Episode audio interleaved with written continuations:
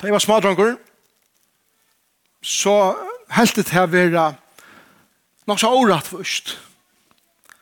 At uh, papen min har en heila bok kallet opp etter seg. Og Daniel, eldste bætsen min, han har eisen en heila bok kallet opp etter seg. Jakob, bætsen min, har eisen et brev i nødvendighetsmentet kallet opp etter seg. Og da jeg spurte hva min bok var, så var tøkken, Og ta jeg for å leite etter hva okker som hei navnet Jekvann og så var det bare det ene som kom fram til var og Jekvann, og Jekvann, hvor stendet du her? Men husen er ræpla og to han ikke her. Det var min loter. Og i familiene som er vaks opp i, og alt det årene tar jeg vaks opp. Men det er en, en fremgjørete for meg at, at skilja settene at Zacharias er ikke på på min Daniel har ikke bætja menagera, og Jakob har heller ikke bætja menagera. Så det var en trøst kurs i røytøy. Men det er en uh, fremmedgjerater at uh, jeg har haft uh, møveleikan at hitje inn i disse bøkene her, og som mengar er her i skriftene, og og suttja hva det er som hese personene som god nem vi og i synar tøy og i synar løyve kjørt søtt og, og, og og hver avvurskan til heie, ikke bare av sitt egna atali, men av ataliene som er kommet og færen søgjende. Og i det er det en fremgjørende for meg at kunne åpne Jakobs brev eh, og hitja. Er At det som stod av brev noen, men tog så rukt og i sannleikon. Ein eh, personer sier vi med nå for noen vik siden, Jeg skiljer lea til, til løtene for at uh, genga ut jøkken Jakobsbrevet. Det er ordentlig spennende. Og så sier personen etter, det er et ordentlig høve der at det er bare sjelda samkommen ut. Og jeg ætla sjelda han ut. Det har gjort trutja feiler. For det første så helt han var en type som sjelda ut. Så helt han at luten var våre folk som var verdt å sjelda ut. Og for det tredje helt han at Jakobs brev var et brev som skjelta ut. Og hver jeg så hugsa jeg, sier det ikke, men hugsa jeg, til å være skriver i øtlen trimen. Tog jeg at hvis jeg stand i her og utjøkken Jakobs brev som er et øyelig bant fram brev, hvis jeg stand i her og skjelta det ut, så har jeg trakka skreft. Jakobs brev er ikke et brev som skjelder ut.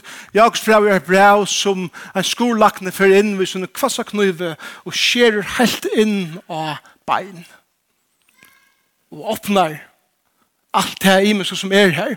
Men det vekra vi Jakobs brev og vi åre gods i reisen til at det skjer langer inn enn av bein.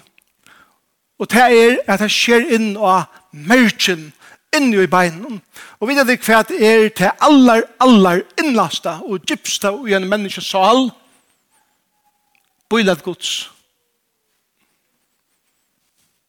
Alt det råttna og syndafotla og alt det skaiva som vi gjør som, som er persa holden om. Skjer år gods ui, men det skjer langer innan merk, ikkje for å vise enn meir hvordan ljød vi der, men jeg skjer inn her for jeg viser at innast inne ui okken er Guds vekerleik. Er det vekre og det goa som Gud har lagt ui hverst eitt menneske.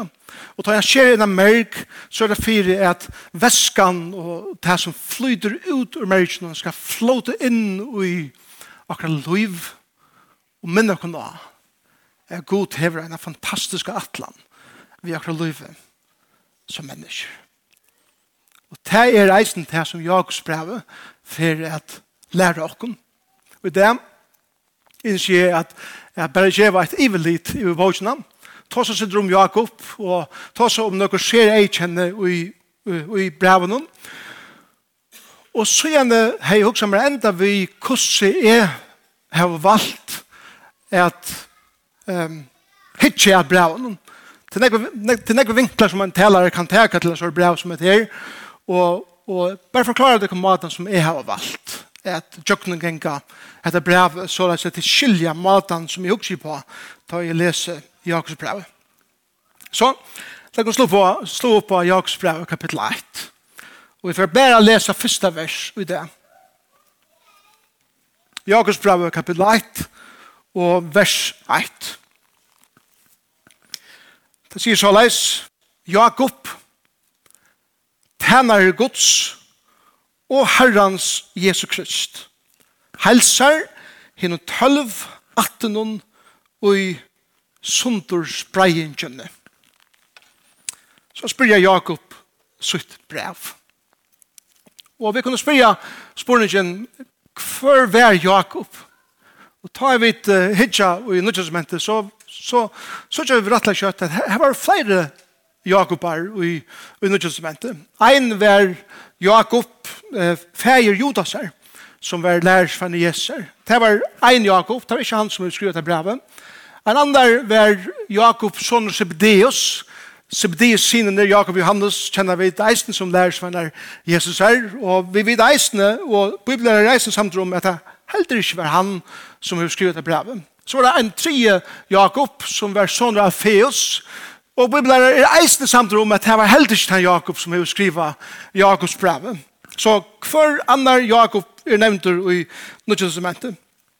Det er en Jakob som faktisk ikke kommer fram av scenen, om vi skal kalle det så høys, før enn Jesus er risen opp fra henne deg og er ferdig til himmels. Og det var Jakob prøver Jesus her. Og vi leser i ødelen evangelien om at Jesus hei syskjen. Jeg kan si halvbror til at vi vet at Maria, hun var gitt av Heliandanon, og Jesus føying var en even naturlig føying. Men Josef og Maria fikk flere bøten. Til dømes en annen bøtje som Jesus sier, som var bøtje Jakob eisene, det var Judas, han som skriver Judas her brev. Så tvær bøtjer Jesus her. Han var skrivet tvei brøv i Nordtestamentet. Og hesen bøtjen, skriva i Jakobs brev. Jakob, Batje, Jesus her, er høvendren. Vi vet fra evangelien om at her, etla syskjene til Jesus, at hei var nok så flow av honom. Det Jesus var øyne radikaler, og maten av være på, var ikke ta maten som syskjene er så rævlig stolt om, at sin badje eller sin syster er. Og, og, og han, han var han som de spotta og, og han var alltid outsideren, Jesus. Og så sier vi han en stedet, kan du ikke være, heldig det i, i Johannes Kjei, at han sier, Jesus, kan du ikke være ferdig til Jerusalem og være høyt inn i her og bare halta de her sjore til at du er så flåslig for jokken her i Galilea. Til sikken føler det dette her? Sikken var nok så flåslig først. Det var ikke anvendt her.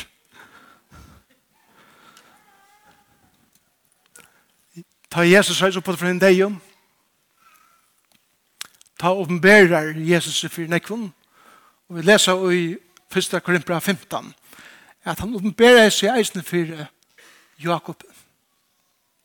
Eit til anna hendte. Ta Jesus døye og gravlagt og reis opp for en deion. At badjans herra, Bare bare hans her, som vi kanskje vita, finner jeg enig og fyre at Jesus Kristus er Messias, som han sier seg være. Ta hele anden kommer inn i et menneskeliv, så brøytes alt. Og det som før var negativt ble positivt. Det som før var mist ble ljøst. Det som før var vognleist ble vognrukt. Det som før jeg helt ikke kunne gåtega. Det er ikke nært mer vi åpnen føvnen. Og Jakob teker i måte bætsasønnen, og han sier, Hette er ikke bare bætsasønnen som jeg vil fylja. Hette er min herre. Legg meg ikke til hva han sier i vers 1 tænare Guds og Herrens Jesus Krist. Han kallar seg en tænare. Ein som vil djeva alt og leggja alt nye fyrir at tæna i nøren, og som ser han som han tæner, som ein som er hakre myndelaika og er fylgja taimen åren og tøy myndelaikanen som han hever i min løyve og fylgjast vi honom og tjøkken alt løyve. Jakob eh, bløyver vidar vid fra apostasøgene ein av leierne i samkommende i Jerusalem. Hon börjar jo av og, og, og hon vekser øyla kjøtt. 3000 første dagen, men vi vet at, det er at samkommet i Jerusalem ble ikke vi bare 3000 folk, tog at øyne legget hjemme som kom til Jerusalem, til høgtøyene, for å stedet. Men korsene vaks samkommet alle tøyene. Og Jakob blir ein av, som Paulus kallar i Kaladrabraun, fyrir ein av søylenen en av stolen og i samkommende og i Jerusalem. Ein spurninger som samkommende i Jerusalem struttes vi, det var vi er jo først en jøte samkommet. Jøter som får egen oppfyrer Jesus som Messias, og det ble messianske jøter. Men så ble, så ble hettninger tryggvande i eisene. Og spurningen er, hva slags gjør vi hettningene? Og som har sagt da, er at Hettningar må blå gjøtar. Tar må tega jødiska sier for at kalla seg etterfyrir Jesus her. Og, og det ble en funtur i samkomne i Jerusalem og eh, hør sjön om hvordan det skal være inntil Jakob reiser seg opp. Og han venter seg i motor time som sida funden hon, og han sier til brøver vi skal lade hetningene få fri. Vi skal lade hetningar være hetningar, og løyva teimen av livet så som Kristus, som Kristus ikke teir, av livet vi ser, og okkon a liva Kristus som Kristus ikke okkon av livet vi ser, som gjøter. Og vi hans autoritet blir det bra skriva som vi er sendt ut vi Paulus til alle samkomne hetningarna og sier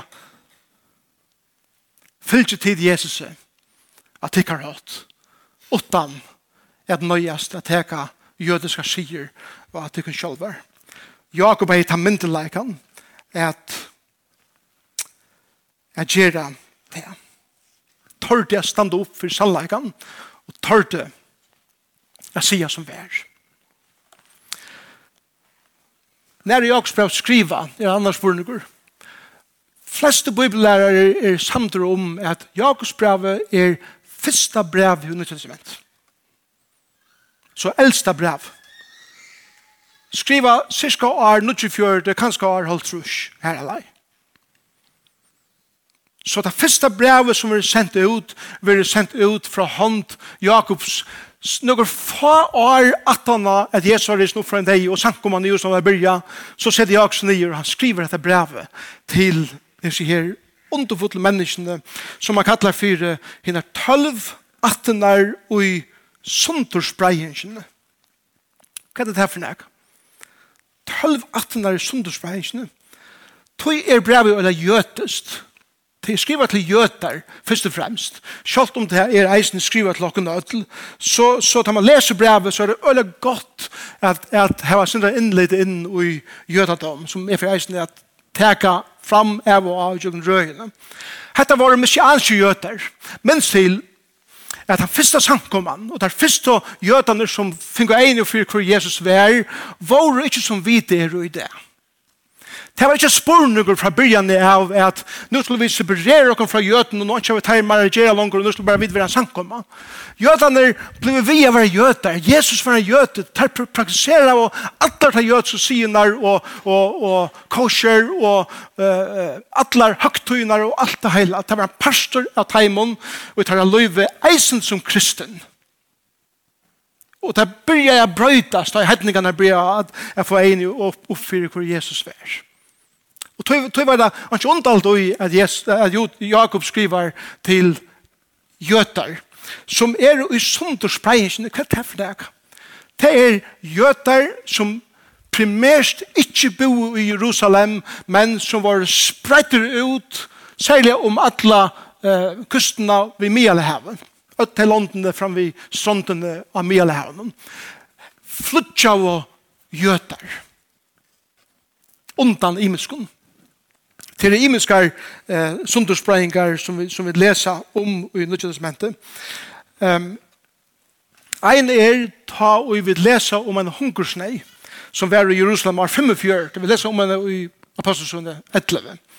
Og ta, det er ta Julius Caesar, er keiser i Rom, og det var en øyla, øyla svar hungersnei som rakte Israel og til London her noen om, og vi vet at søvelige fra Josefus er at tusen av vis av jøten flyttet Jerusalem og Judea og til London rundt om for å finne seg med og arbeid og livekår i London rundt om Mielhavet og i romerska rysene.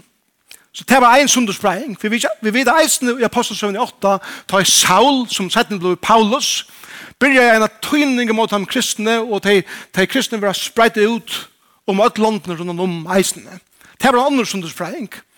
Et annet som eisen er, til det vi vet er at jødene kom heim ene fra året, kurser ene fra året, til Jerusalem, og var vi til høgtøyene. Særlig påskehøgtøyene. Og leivsalhøgtøyene som var tvärt her store høgtøyene i Israel for at, for å komme hem til be. Og ta i Sankt i Jerusalem i början. Da var det ena uppgaven til Sankt Jerusalem är för ut att predika evangeliet som Peter gjør til eisen i Kvitsund. Og nekk blå frelst i Jerusalem og færre heimater til sitt land der som de kommer fra og byrja at predika evangeliet.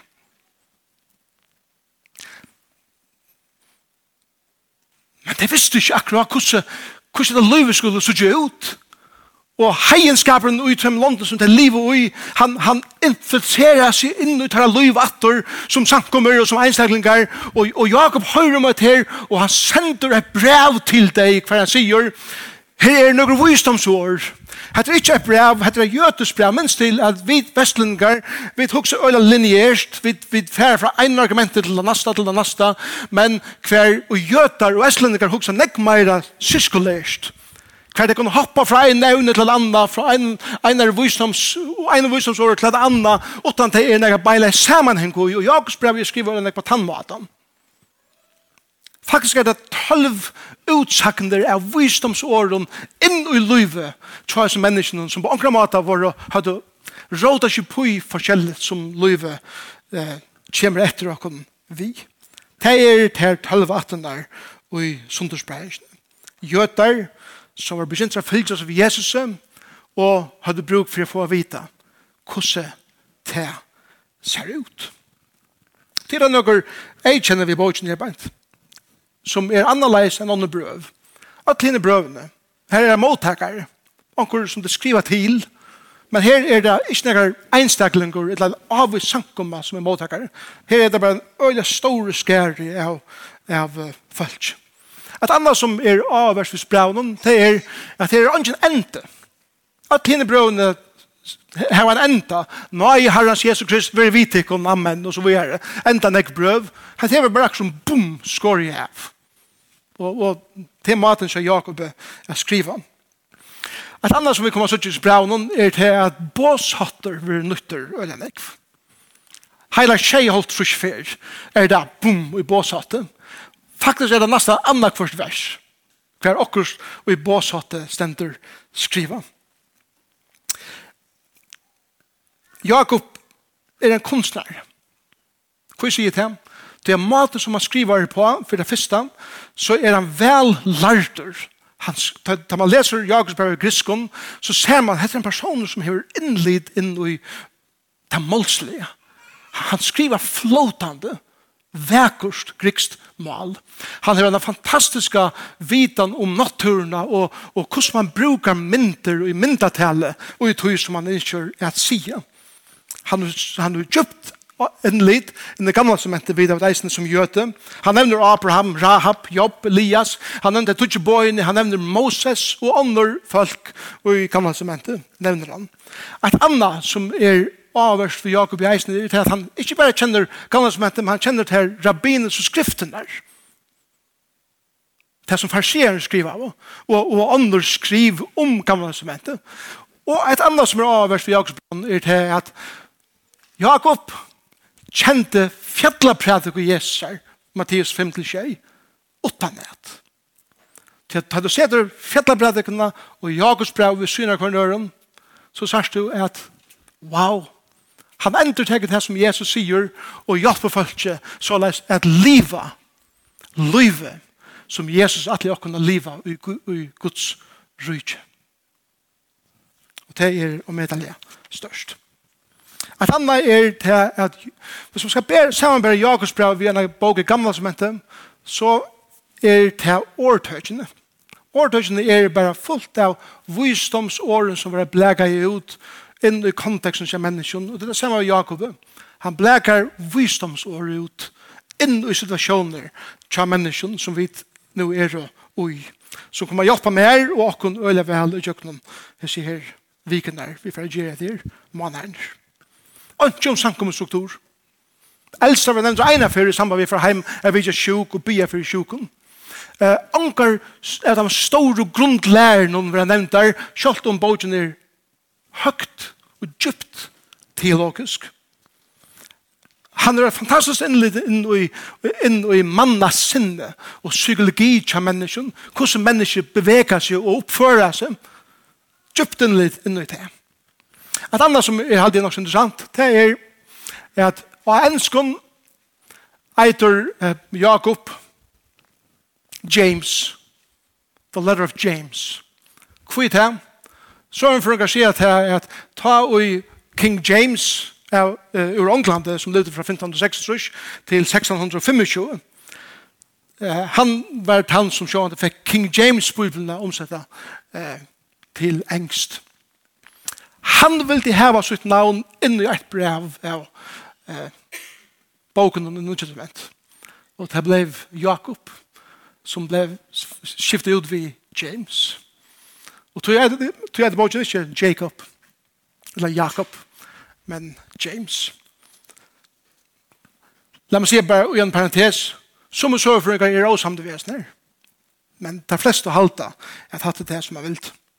Et annet som er avverst, det er at Luther, han vil de helst heve for bøtjene ut ur kanon, ut ur bøyvnene. Han sier at han da bøtjene hever ikke gjerra i nødvendig nødvendighet, sier Luther. Kvoi, tøy er at Luther, og jeg får komme til det settene, var setter fryer, at skilja, at rattforskjeringen er utanversk. Og han sier at Jakobs brev, særlig kapittel 2, stender i ansøkning til Rombrev kapittel 4. Hva Paulus tar seg om at alle mennesker vil ha rattforskjørt, ikke er versk, om men bæra nøye gods. Hva Jakob sier er at ser ut til å si at mennesker vil ha rattforskjørt vi sunne verskon. Vi lette henge her nå til at vi får komme alltid til at her. Er motsøkken, eller er det bare en måte jeg sutja tingene på. Men en annan som elskar Jakobs brev, og som tar seg Jakobs brev, og tar man leser han, så ser man at Jakobs brev er nevnt atter og atter, at han alle mulige stender, og til Søren Kirkegaard.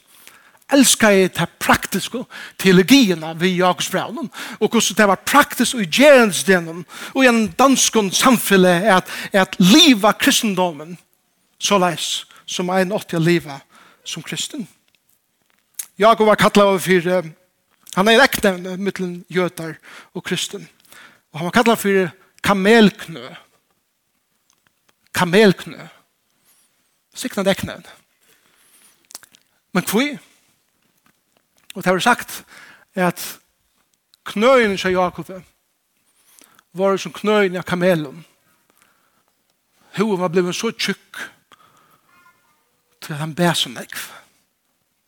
Så det er ikke galt, ikke galt et nevne korsene. Da man husker om hva folk sover og gjennom mamma som hon. Så hva er det som vi får gjøre og gjøre disse vikene der? La oss gjøre det ivelit. Første kapittel tåsar om rønter. Rønter som vi færre gjøre som mennesker. Andre kapittel tåsar om fordomar. Fordomar at gjøre mannamon og andre ting. Tre kapittel taler om tungene, eller talene, hvordan vi tåsa, hvordan vi tåsa inn i livet i kjøkkenøren. Fjord kapittel tåsar om forhold, forhold som vi hever vi kan annan som mennesker.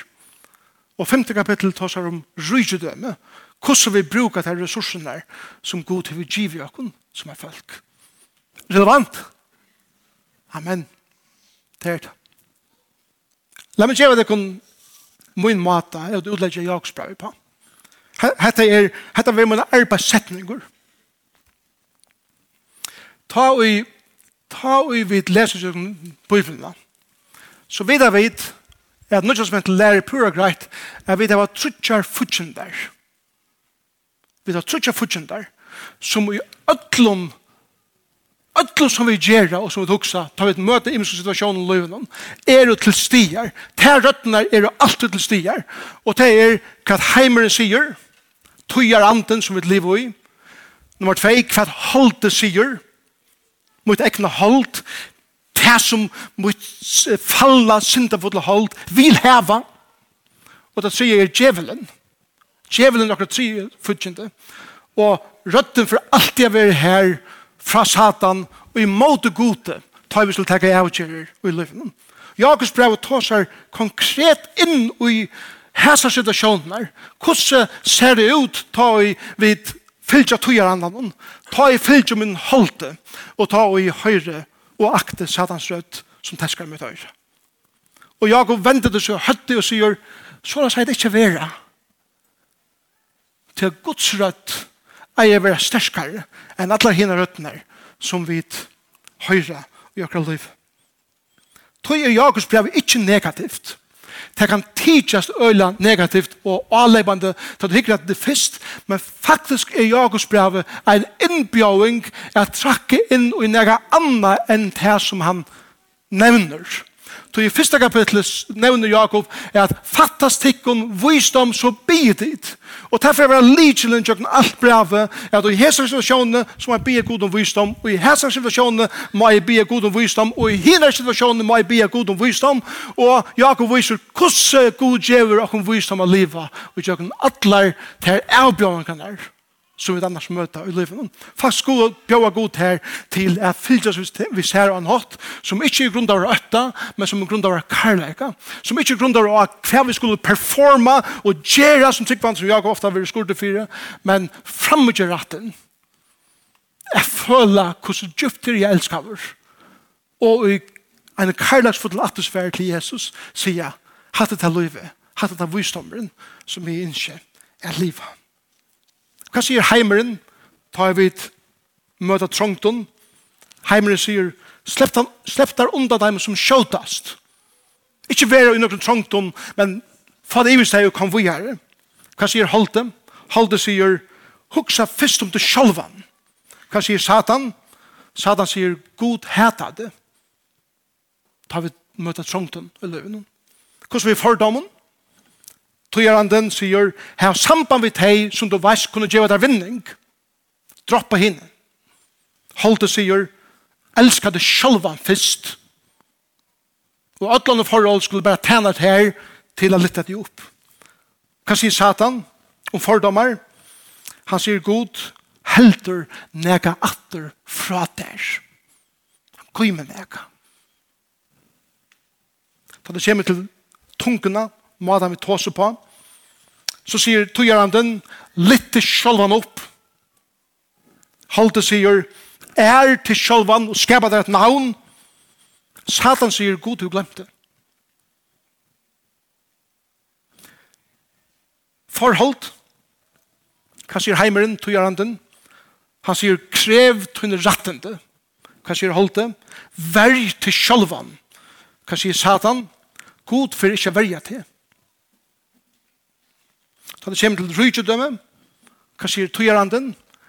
Gramsa alt som du kanst innunder det. Hva sier holde? Tæn til sjølven og njød livet. Vi har til tusen du eier. Hva sier Satan? Satan sier god for ikke at utvida her det som du har bruk for livet. Og hatt det her som Jakob for motor. Og så venter han då i høtte og han sier, Hette er det som Gud vil. Ta du trångter. Så er ikke Gud å bruke trångtene til livet til å gjøre seg en byggven personer. Og Gud sier, lyd av meg, og ønsker det være at du er andalige, kjenslige og mentalt vel rønter og hever et godt grundarle og en god grunnstamme og i ryggen om. livet. Lyga mye hvordan livet ser ut. Da det kommer til fordommer, så sier Gud vi okken, hev karlæka til ånder. Hugsa om ånder, og trygg av meg, og let her trunna suttjast, og være skjønlige og i karlæks gjerum, og i måter øre menneskjen, lyga mykje for tarra sosiale status er. Det kommer til talene og tungene, så sier Gud vi okken, Sikna ånder. Vi tog nåren, vi tog en tunke. Han sier, og, og, og be med om visdom til å gjøre det. Han tar som et sier kapitlet. Og han sier, og ørste tror vi at visdommeren siknar ånder og gjør den år og versk og tog forholdet vi ånder mennesker. Det er vi ærstet. Det kommer til fjorda kapittel, forhold så er fjorda kapitel om hev fri vi andre mennesker. Visdommeren om man er fra er at hev fri vi mennesker så lengt som til tøystender. Og Gud sier, min måte er at undergjeva til meg. Jeg var mer undergiven. Og øste det var at Guds nage som kommer flyter inn i mitt løy for jeg flåta vujer ut til andre mennesker som jeg har forhold til i min liv. Og da det kommer til rydgjødømme, så sier Gud vi okken, i stedet for jeg gramser under det sjåvan, tenn øren, vi tog som du eier, bøye etter mer, og sutt kan jeg kan gjøre vi alt det som jeg gjør der, og gjør uiløvene ut i evige virne som ikke rusta bort over i eten oppe av, øtlen tog som hesten heimeren, etet oppe i. Tog vil enda vi er sånn. Ja, faktisk er det en øyne positiv iverskrift i Jaksbrevet og i, og i, i, i, i, Og så er det for jeg at her var ivel lite. Alt det er for jeg får lett til alt som sier etter skjema jeg som jeg har i her bare ut av heimasøyna, så de kan sutja det. Første kapittel er hesen to først å komme sikrande og i djøkkenen rønter i løvnen som gjør det til en bonam, vaksnam person. Andra kapittel, som er fordommer, Du får være frøyer fra å gjøre mannamon, og du får kunne elske mennesker frukt utan fordommer. Talan, 3 kapittel, her sier Gud, ta i tungan, er under herredømme og reie Kristus her, så får du en tala evera mynde av visdomme, visdomme som kommer om han omanifra det kommer til forhold, kapittel 4, så sier Gud at to kjemur i kjøkkenen, den visdom som taler ber ut kjøkkenen til munn, kommer til å heva sunn og ekta forhold vi andre mennesker. Og femte kapittel, rydgjødømme, to kjemur å være en sikning for rydgjøgods, og to kjemur å være sikning for ånder vi øtlentøy som Gud har givet her arbeid at omsida og i tunne livet her. Hetta er det som vi færa vanlige at læra i jøknum hese mannegner vi færa at jøknum genga Jakobs brev. Så, Sjalt meg er ikke åtte navn og noen brev eller bok og i gamla som heter Nutsjement. Så veit jeg at min herre eitir Jesus Kristus. Og ta i færdsjøkken trångter, så kan han be han om visdom. Det er det jeg er bare en glæver og en tunker det her for meg. Det er akkurat ett år siden det er 16. august stod jeg og prædika i glævertalen i pappa min. Akkurat så tøyene.